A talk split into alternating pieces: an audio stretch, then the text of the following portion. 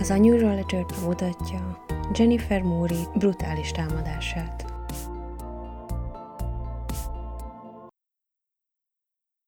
Jennifer Mori egy este munka után meghívást kapott a barátnőjétől egy buliba. Először hezitált, nem igazán akart elmenni, de végül is meggyőzték, és Jennifer meglepetésére nagyon jól sikerült a parti.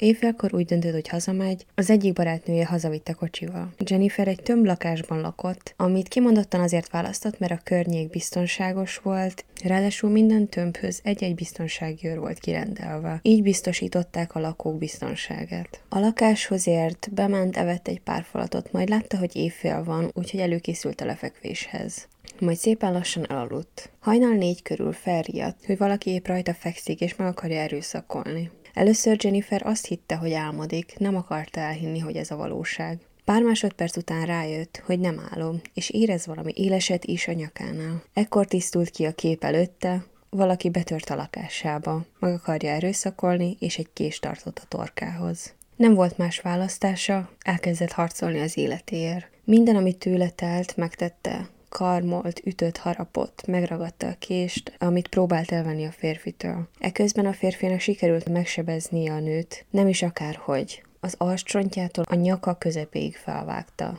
Még mindig küzdöttek egymással, de hirtelen nagyon csúszósá vált minden a sok vértől. Majd a férfi megragadta Jennifert a hajánál fogva, és a fürdőbe vonszolta. Megparancsolta neki, hogy maradjon ott, és ne merjen megmozdulni. A férfi becsapta maga mögött az ajtót. Kapva az alkalmon, Jennifer az ajtónak támaszkodott, hogy ne tudjon a férfi visszamenni. Megragadt egy törölközőt, és a nyílt sebéhez szorította. Egy pár perc múlva, amikor már nem hallott kívül mozgást, úgy döntött, hogy kimegy és segítséget hív. De a sok sok vérveszteség miatt alig bírta kinyitni az ajtót. Próbálkozott és próbálkozott, ameddig végre sikerült. Gyorsan felkapta az éjjeli szekrényéről a mobilját, majd visszarohant a fürdőbe, és hívta a 911-et. Azon az éjjelen egy Richard Everett nevű diszpécser éppen csak elkezdte a műszakját, amikor bejött a hívás Jennifertől, aki elmondta neki, hogy mi történt, és hogy segítségre van szüksége minél hamarabb. Richard kiküldte a mentőket, meg a rendőröket, és próbálta megnyugtatni Jennifert. Folyamatosan beszélt hozzá, és beszéltette őt, hogy ne veszítse el az eszméletét. Körülbelül tíz perc várakozás után Jennifer kopogást hallott. Kiment a fürdőből, közelebb merészkedett a bejárati ajtóhoz, egy férfi volt a másik oldalon. Püfölte az ajtót és kiabált, hogy engedje be Jennifer, meg hogy látott valakit leúrani az erkéről, és meg akar győződni arról, hogy minden rendben van-e. Azt mondta, hogy ő a biztonsági őr a recepcióról. Jennifer először be akarta engedni, de a diszpécser megállította,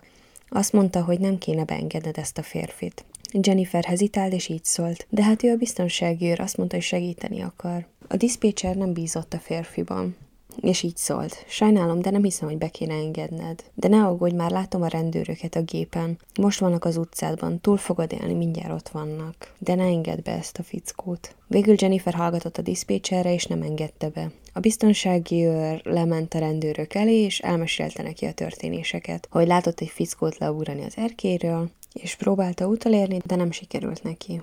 Majd Jennifer nem akarta beengedni a lakásba. A rendőrök bólintottak, felmentek a mentősökkel együtt a nőhöz, ellátták a sebeit, majd kórházba szállították. A rendőrök folytatták a nyomozást, és észrevették a biztonsági őr jelvényét, ingét és sapkáját. Bevezették egy szobába, kiderült, hogy ő volt a tettes, nem volt rajta se póló, se sapka, meg a teste is össze volt karmolva a dulakodástól. Letartóztatták és elítélték 20 évre, és a 20 év letelte után kiszabadult. Jennifer és a diszpécser a mai napig barátok, és Richard még az esküvőjére is elment. Jennifer később elhivatott lett, hogy más embereken segítsen, olyanokon, mint ő, akik hatalmas traumát éltek át. Köszönöm, hogy velem tartottatok ebben a részben is, ne hagyjátok ki a jövő hét keddérés sem. Nézzetek rá az új weboldalunkra, ami www.unusualledger.com. Mentsétek el valahol, mert sok újdonsággal jövünk majd, lesz fórum is, meg majd a könyvem is elérhető lesz ott blog formában.